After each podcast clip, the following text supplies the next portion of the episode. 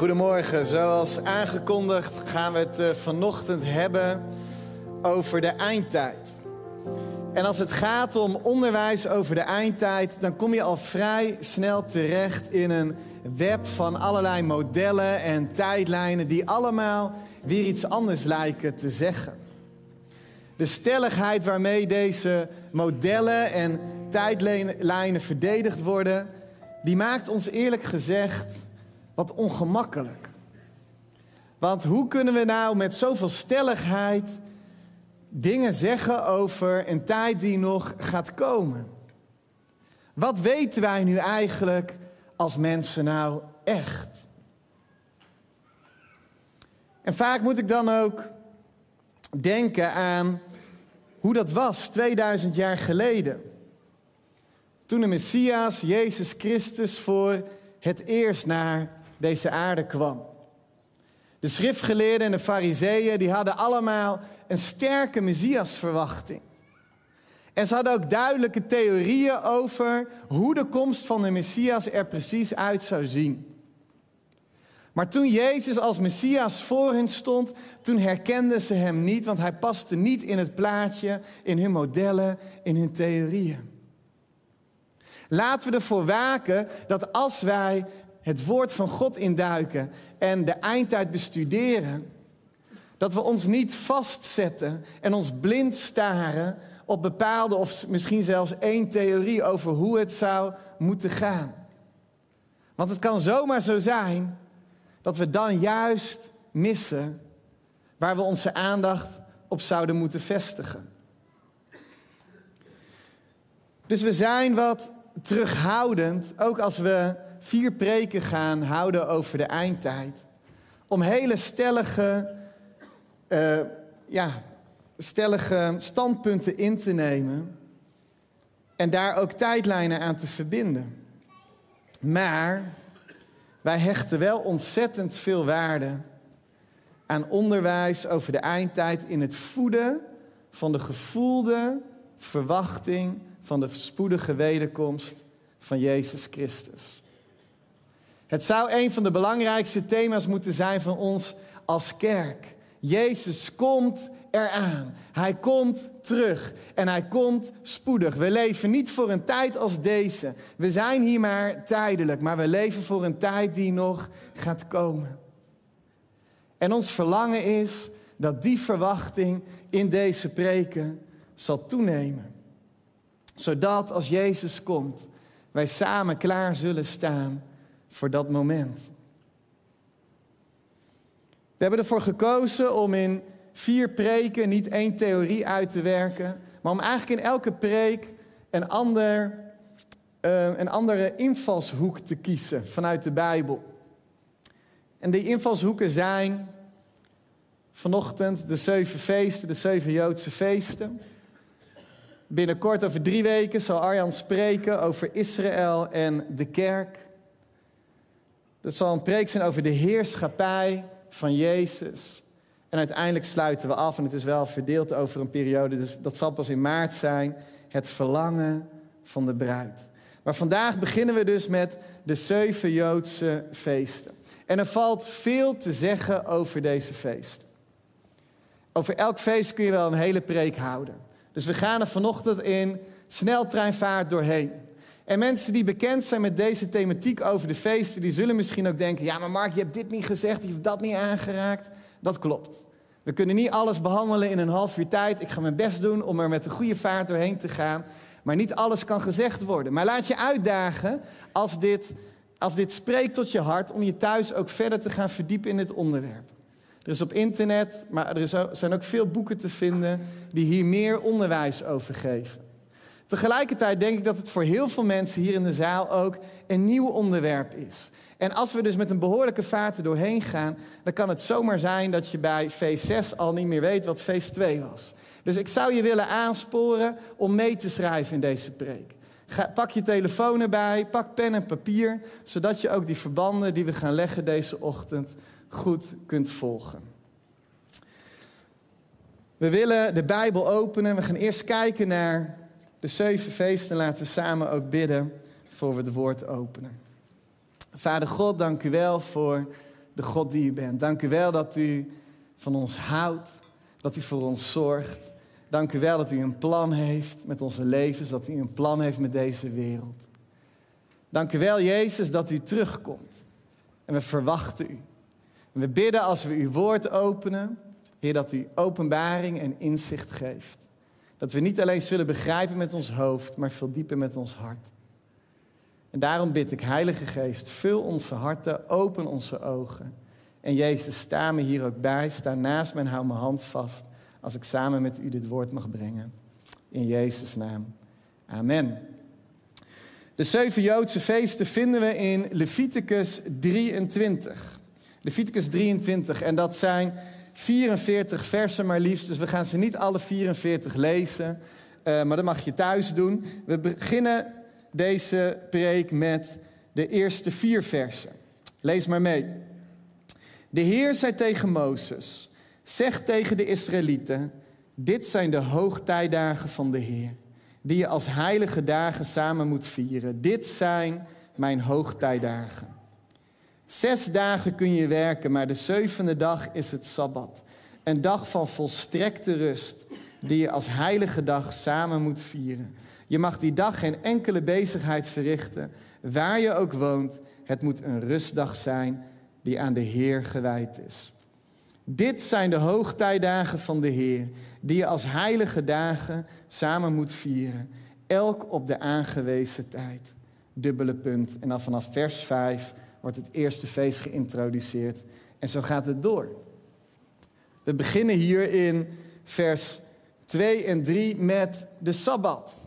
En we hebben net in het najaar een korte prekenserie gehad over de Sabbat. En we hebben daarin gezien dat de Sabbat is vervuld in Christus Jezus. Maar dat kun je ook zeggen over de feesten. Ik wil nog een vers met jullie lezen. Colossense 2, vers 16 en 17. En daar staat, mag ook geprojecteerd worden, ja. Laat u daarom door niemand iets voorschrijven op het gebied van eten en drinken of het vieren van feestdagen, nieuwe maan en sabbat. Dit is alles slechts een schaduw van wat komt. De werkelijkheid is van Christus. En dat woordje slechts, dat zien we in deze vertaling, maar in de grondtekst vinden we dat woord niet terug. Dus die zou je eigenlijk kunnen doorstrepen. Dan staat er, dit alles is een schaduw van wat komt. De werkelijkheid is van Christus. Net als de Sabbat zijn de zeven feesten, die we zo meteen één voor één gaan behandelen, een schaduw. De werkelijkheid, de verwezenlijking van deze feesten vinden we in Christus Jezus. Vandaag zullen we zien dat de eerste vier feesten, en dat worden ook wel de voorjaarsfeesten, inderdaad op indrukwekkende wijze zijn vervuld in Jezus. De laatste drie feesten, dat worden de najaarsfeesten genoemd, omdat ze ook in het najaar gevierd worden, zijn de feesten die nog vervuld moeten worden. Maar daarover straks meer. De voorjaarsfeesten, die eerste vier, die richten zich historisch op de uittocht uit Egypte. En de bevrijding van 400 jaar slavernij en onderdrukking. Het eerste feest, dat vinden we in vers 5. Het eerste feest in het voorjaar is Pesach.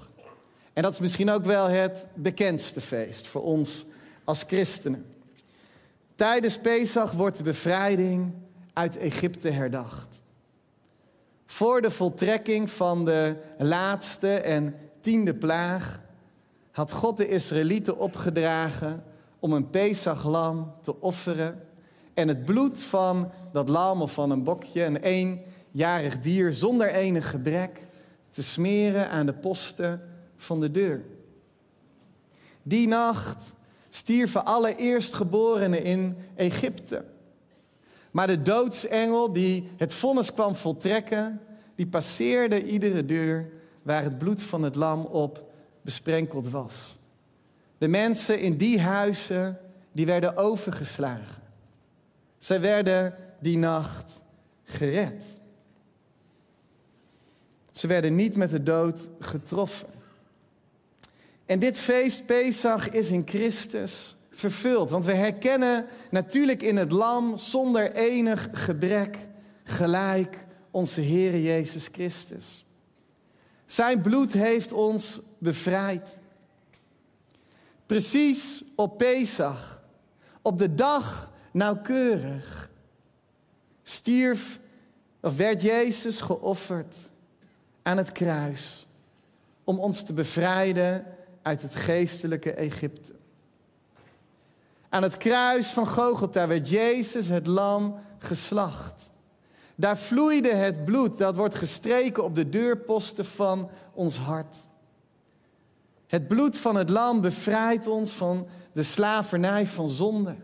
Het bevrijdt ons van de macht van de dood die daarop volgt. En daarmee is Pesach het begin, het startpunt van ons geloofsleven voor iedere christen. Het begint aan de voet van het kruis, waar het bloed van Jezus stroomde. Ook voor jou. De dag na Pesach begint al gelijk het tweede feest. En dat is het feest van de ongezuurde broden, Matzot. Tijdens dit zevendaagse feest gedachten de Israëlieten dat er door hun snelle vertrek ten tijde van de Exodus uit Egypte er geen tijd was geweest om het deeg te laten rijzen. Om deeg te laten rijzen heb je zuurdesem nodig of gist. Zonder desem krijg je ongezuurde broden, platte broden, matzes. daar komt het woord uit matzot vandaan. Zoals we dat ook kennen in het avondmaal. De ongezuurde broden herinnerden Israëlieten dus aan de uittocht uit Egypte. Ja, ze waren al bevrijd door het bloed van het lam, maar uiteindelijk mochten ze ook afstand nemen van Egypte. Het geestelijke Egypte achter ons laten. Deze is in de Bijbel een beeld van de zonde. We zien dat bijvoorbeeld in 1 Corinthians 5, vers 6 en 7. Daar staat, daar zegt Paulus, weet u niet dat al een beetje deze met hele deeg zuur maakt? Doe de oude deze weg en wees als nieuw deeg. U bent immers als ongedezen brood, omdat ons Pesachlam Christus is geslacht. Zonde moet uit onze levens verwijderd worden. Egypte moet uit onze levens verwijderd worden. En in zijn dood bracht Jezus vergeving voor onze zonden. Daar in het graf, op de dag van de ongezuurde broden, rekende Jezus af met de macht van de zonde. En als antwoord daarop mogen wij onze harten onderzoeken. Waar in onze harten nog zuurdesem aanwezig is. Waar we nog mogen afrekenen met de zonde. En ook de kleine kruimels willen we daarbij niet over het hoofd zien. We willen de daad van Jezus beantwoorden. In het streven naar heiligheid en zuiverheid en puurheid. Om te zijn als ongezuurde brood. Dus ook daarin zien we op de dag nauwkeurig wordt dit feest vervuld. In het graf, in de dood van Jezus. Het feest van de eerstelingen, het derde feest, Yom Bikurim, vindt plaats gedurende het feest van de ongezuurde broden. Dus tijdens. Dus we zien eigenlijk dat die drie feesten heel dicht op elkaar liggen, of elkaar zelfs overlappen. De Joden brengen dan de eerste opbrengst van de voorjaarsoogst bij de priester als dankoffer. De nacht van de eerst, van het Eerstelingenfeest was, was de nacht waarop de Hebreeuwse slaven door de Schelfzee, door de Rode Zee gingen. Waar eens en voor altijd werd afgerekend met Farao en zijn leger. Waarna ze in de vroege ochtend als vrije mensen aan de andere kant van de zee hun voeten zetten. De dag van het Eerstelingenfeest was ook op de dag nauwkeurig de dag dat Jezus opstond uit de dood. En daarmee vervulde hij de dag die wij vandaag de dag kennen als Pasen. Het feest van de eerstelingen. Want Jezus was de eerste. We zien het in 1 Corinthians 15, vers 20 en 23. Er staat, maar Christus is werkelijk uit de dood opgewekt. Als de eerste van de gestorvenen. Christus als eerste en daarna, wanneer hij komt, zij die hem toebehoren. Jezus stond als eerst op uit de dood, maar het is ook ons perspectief. De doortocht door de Schelfsteek en de opstanding uit het graf worden beide prachtig uitgedrukt in de doop. In de doop verlaten wij Egypte voorgoed. We nemen voorgoed afstand. En, daar, en we staan op in Jezus' opstanding. Het is het teken van het nieuwe begin. Die we ontvangen hebben door de opstanding van Jezus Christus.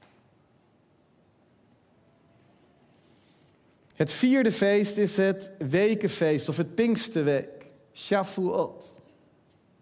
Vanaf de dag van het feest der eerstelingen worden 49 dagen geteld. Zeven weken, zeven dagen. Waarop de vijftigste dag het wekenfeest begint. Het laatste voorjaarsfeest. Het getal 50 is in het Grieks penta. En daar komt het woord Pinksteren vandaan, Pentecost in het Engels. Het wekenfeest heeft net als die andere feesten een belangrijke historische betekenis. Want zeven weken na de uittocht uit Egypte sloot God een verbond met zijn volk op de berg Sinaï. Toen Mozes daar op de berg verscheen voor God en hij de stenen tafelen met de tien geboden uit de handen van God ontving. De Torah, het geschreven woord. En op dat moment werd het eerste verbond gesloten. Zoals we die ook wel kennen, het oude verbond. Waarin God zei, als jullie je houden aan mijn richtlijnen, als jullie mijn woord volgen, dan zullen jullie mijn volk zijn en ik zal jullie God zijn. God verbond zich aan de mensen. Hij verbond zich aan een volk. Hij verbond zich aan Israël. En natuurlijk kennen wij het Pinksterfeest als het feest wat in Christus Jezus is vervuld door de uitstorting van de Heilige Geest. De eerste kerk, de eerste gelovigen die bij elkaar kwamen in die bovenkamer om, om te bidden en God te zoeken. En plotseling werd de Heilige Geest uitgestort over al die mensen. En ze begonnen in tongen te spreken en ze begonnen de naam van Jezus te verhogen. En nu zul je misschien denken, wat heeft dat nou te maken met de wet op de berg Sinaï? Wat is dat nou de overeenkomst erin? Op welke manier is dat de vervulling? Nou, waar op de berg Sinaï het eerste, het oude verbond werd gesloten, werd met Pinksteren, met de uitstorting van de Heilige Geest, het nieuwe verbond gesloten. Niet langer moesten wij ons houden aan een wet om in verbinding te staan met God, maar nu door zijn Heilige Geest mogen wij ons kinderen van God noemen, zijn volk en Hij onze God. Ook het wekenfeest, het Pinksterfeest, is op de dag nauwkeurig vervuld in Christus Jezus door de uitstorting van zijn geest. Het nieuwe verbond werd gesloten. Nu ben ik al een tijdje aan het praten en zul je denken, die kerel heeft nog helemaal niks gezegd over de eindtijd. En daar waren we toch voor gekomen deze ochtend. Maar nu komt het. Want als alle vier voorjaarsfeesten schaduwen zijn, die tot op de dag nauwkeurig vervuld zijn in Christus Jezus, in zijn sterven, in zijn vergeving van zonden, in zijn opstanding uit de dood, in de uitstorting van zijn Heilige Geest. Is het dan niet heel aannemelijk dat die drie najaarsfeesten, die feesten die nog moeten komen, ook vervuld zullen worden in Christus Jezus tijdens zijn tweede komst. Waar de voorjaarsfeesten wezen naar de eerste komst van Jezus op aarde, geloven we dat de laatste drie feesten verwijzen naar zijn wederkomst, zijn terugkomst, zijn tweede komst. En in de tijd begeven we ons dus ook tussen dat vierde feest, het Pinksterfeest, de uitstorting van de Heilige Geest, het ontstaan van de kerk en het vijfde feest. Het feest wat spoedig zal komen. Het Bazuinenfeest. Yom Teruah. Het Bazuinenfeest is een dag, zegt Leviticus 23, van rust. Waarin iedereen al zijn werkzaamheden moet neerleggen. Maar het bijzondere, of misschien wel het aparte aan het Bazuinenfeest, is dat God zijn volk instrueerde om dit feest te vieren, zonder er expliciet bij te vermelden om welke reden. Het verwijst in tegenstelling tot de andere zes feesten niet naar een belangrijke historische gebeurtenis. Maar het blazen van de bazuin kennen we door het hele Oude Testament heen als een teken van een belangrijke aankondiging. Het is een aankondiging van een belangrijk moment wat spoedig gaat plaatsvinden. Van bijvoorbeeld een tijd van verootmoediging voor het volk. Laten we samen God zoeken, ons vernederen voor de Heer. Of van een naderende oorlog. Maak u klaar, er komt een oorlog aan. Of de aankondiging van de komst van een koning. In het Nieuwe Testament wordt het klinken van de bazuin gebruikt om de terugkomst van Jezus aan te kondigen. We zien dat heel mooi in 1 Thessalonicense 4, vers 16 en 17. Daar staat, wanneer het signaal gegeven wordt, de aartsengel zijn stem verheft en de bazuin van God weer klinkt, dan zal de Heer zelf uit de hemel neerdalen. Dan zullen eerst de doden die Christus toebehoren opstaan en daarna zullen wij die nog in leven zijn samen met hen op de wolken worden weggevoerd en gaan we in de lucht de Heer tegemoet. En dan zullen we altijd bij Hem zijn. Amen. Wat een dag. Er wordt verschillend gedacht over hoe de vervulling van deze schaduw precies zal gebeuren. Hoe we deze moeten interpreteren. Een veel gehoorde uitleg is dat het bezuinenfeest in Christus Jezus wordt vervuld met de opname van de gemeente, van de kerk, van de bruid, van de gelovigen die Jezus toebehoren. Jezus komt dan nog niet terug op de aarde, maar zijn bruid, de kerk, de gelovigen, die worden opgenomen. Ze ontmoeten Jezus in de lucht en zullen samen met hem naar de hemel gaan. En dan zal er een tijd uitbreken in de wereld voor de overblijvers van zeven jaar van grote verdrukking. En hoop, ellende, verschrikkelijke tijd. En het is een mooie gedachte om te weten dat wij dat als kerk niet hoeven te doorstaan. Omdat we dan al bij Jezus zullen zijn. Maar er zijn ook andere uitleggen, andere visies. En die zeggen nee, de opname van de kerk zal niet plaatsvinden voor de grote verdrukking, maar juist erna. Ook de kerk zal door deze verschrikkelijke tijd moeten gaan. En in deze tijd zal blijken wie Jezus werkelijk toebehoort. Die werkelijk met hart en ziel op hem is gericht. Die bereid is om alles voor hem te geven, wat het ook kost. Dan heb je ook nog een derde variant die zegt: nee, de opname van de gemeente gebeurt niet voor of daarna, maar tijdens de grote verdrukking. Op de helft, na drieënhalf jaar, zal de gemeente worden opgenomen. En waarom noem ik ze dus alle drie? En waarom kies ik niet heel duidelijk één uit? Omdat als we ons blind staren op één theorie, maar toch blijkt anders te gaan, we overrompeld kunnen zijn als kerk. Misschien zelfs ons geloof kunnen verliezen.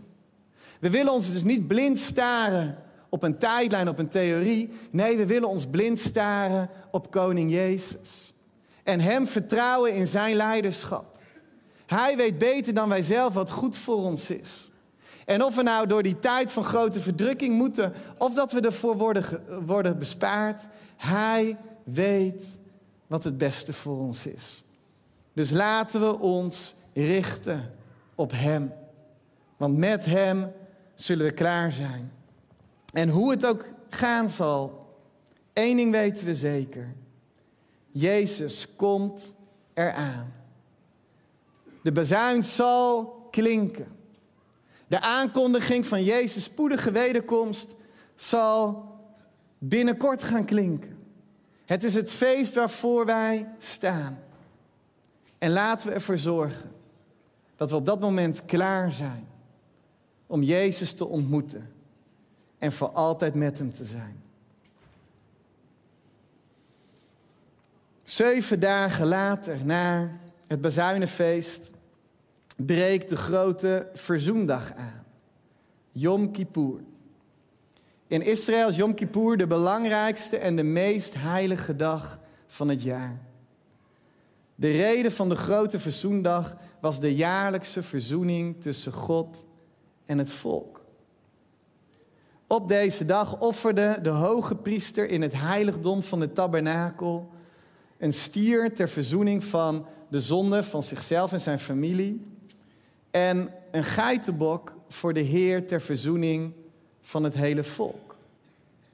En als hij deze offers gebracht had, dan kwam de hoge priester naar buiten, uit het heilige der heiligen. En voor het volk was dat het teken, als de hoge priester het heilige der heiligen verliet en naar buiten kwam, dat verzoening tussen God en mensen had plaatsgevonden.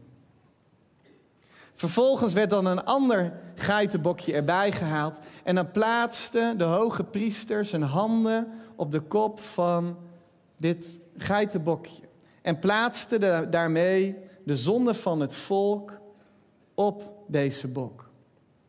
Deze bok wordt ook wel de zondebok van Azazel genoemd.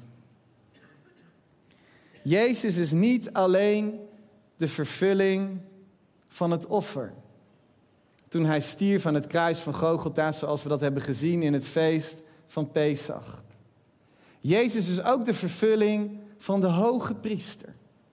In Hebreeën wordt het op prachtige manier omschreven. Hij is degene die het offer brengt. Hij is niet alleen het offer, hij is ook degene die het offer brengt en daarmee verzoening tussen God en mensen mogelijk maakt.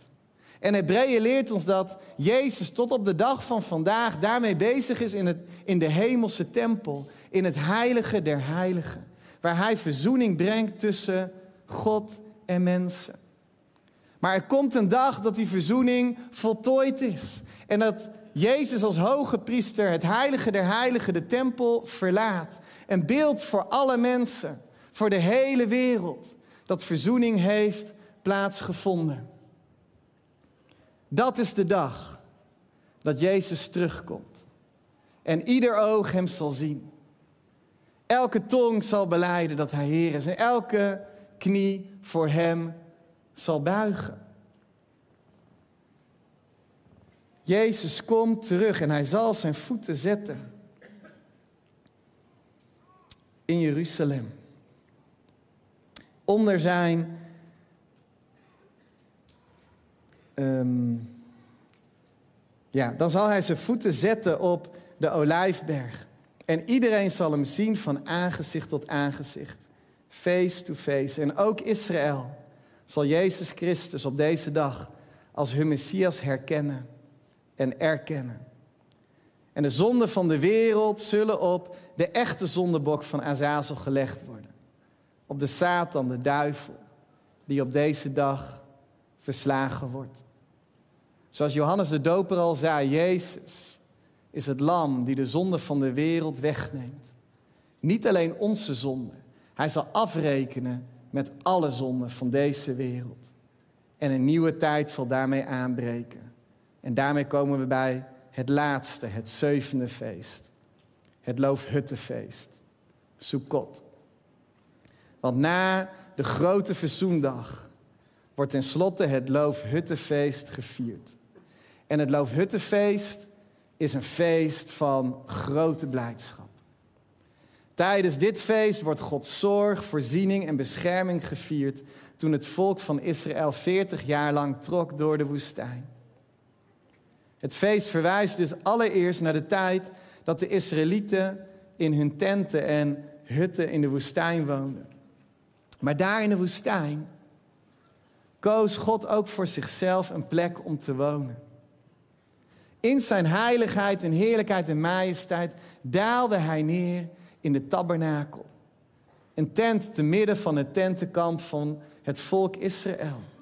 Want God wilde wonen onder de mensen, te midden van zijn volk. De tabernakel was een afspiegeling van de hemelse tempel hier op aarde. Het Loofhuttenfeest is de voorafschaduwing van de tijd dat Jezus hier op aarde te midden van ons zal wonen, zal tabernakelen. Er zal geen afstand meer zijn tussen Hem en ons. Dan zal Hij als de koning der koningen op aarde regeren en alles onder Zijn zichtbare heerschappij stellen. Onder Zijn leiderschap, onder Zijn koningschap, zal de aarde weer worden zoals deze oorspronkelijk is bedoeld. Jezus is de hoop. Hij is de hoop van de volken. En wij verwachten Hem. We zijn nu met een sneltreinvaart door deze zeven Joodse feesten gegaan. En er valt over elk van deze feesten nog veel meer te zeggen. Maar wat we door deze feesten heen zien, is dat God een plan heeft met deze wereld. En dat Hij zijn plan volbrengt door zijn Zoon Jezus Christus heen. Een deel van zijn plan is inmiddels vervuld in de voorjaarsfeesten, in de eerste komst van Jezus Christus op aarde. Maar we zijn er nog niet. Er komt een nieuwe tijd aan. Jezus komt nog een keer. Hij komt terug en hij komt spoedig. Laten wij hem verwachten. Halleluja. Amen. Zullen we samen bidden?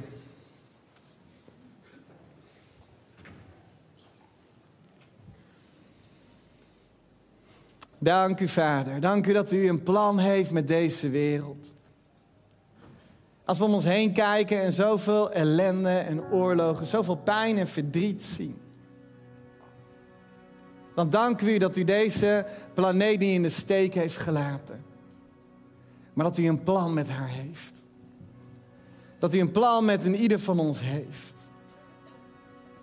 Dank u wel voor uw hart dat wil wonen onder de mensen. Ondanks al onze gebrokenheid en tekortkomingen. Ondanks onze zonde. Dat u verkiest om uzelf te verbinden met ons. Dank u Jezus. Dat u de verwezenlijking bent, de werkelijkheid bent. Van de plannen van de Vader.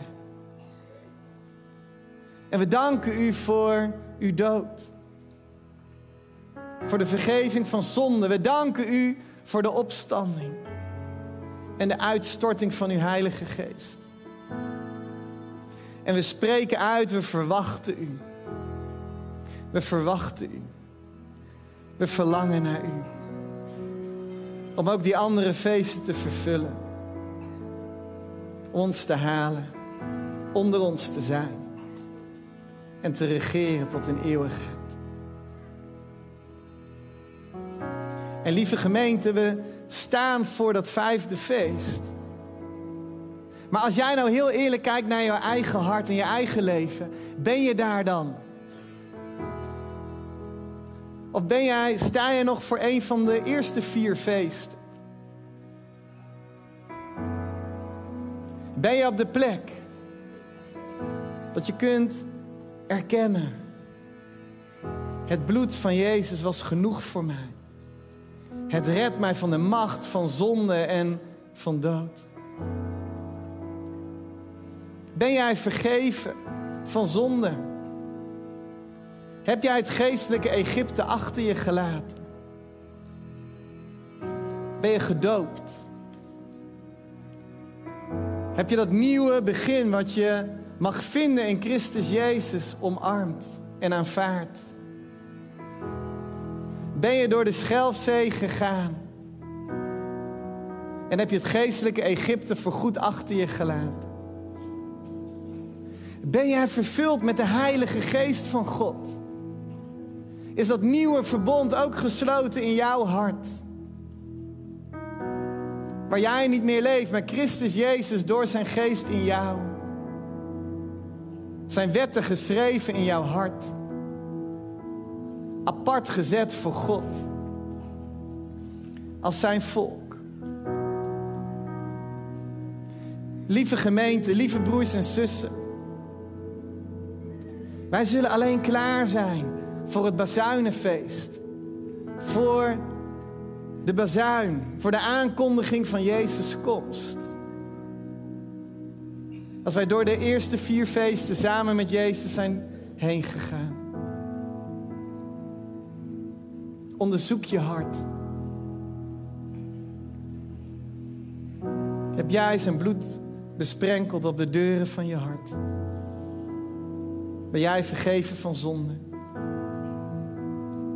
Is Jezus opgestaan en heeft hij in jouw hart en heeft hij jou deelgenoot gemaakt van zijn nieuwe leven? Is de geest van God uitgestort in jouw leven?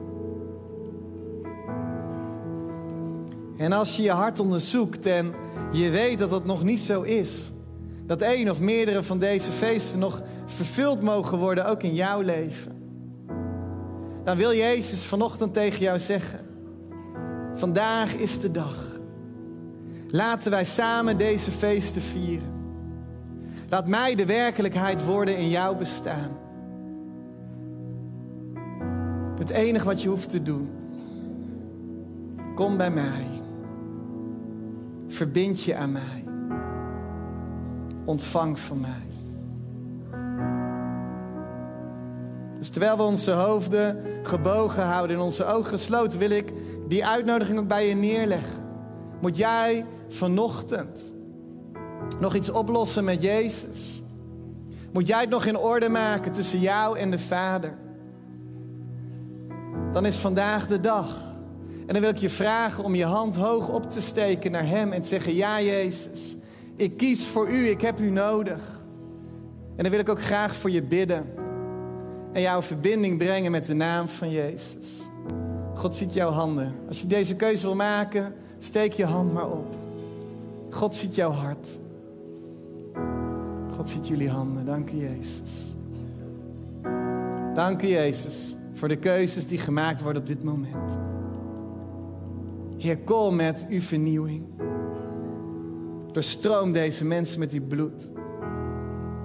Vergeef ze van zonde in Jezus' naam.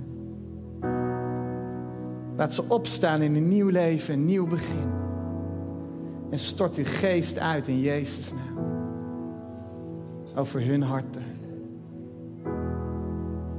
En ik bid voor ons allemaal, Heer, maak ons klaar. Voor de dag dat u bazuin schalt. Maak ons klaar om u te ontmoeten. We verwachten u. We verlangen naar u. In Jezus' naam.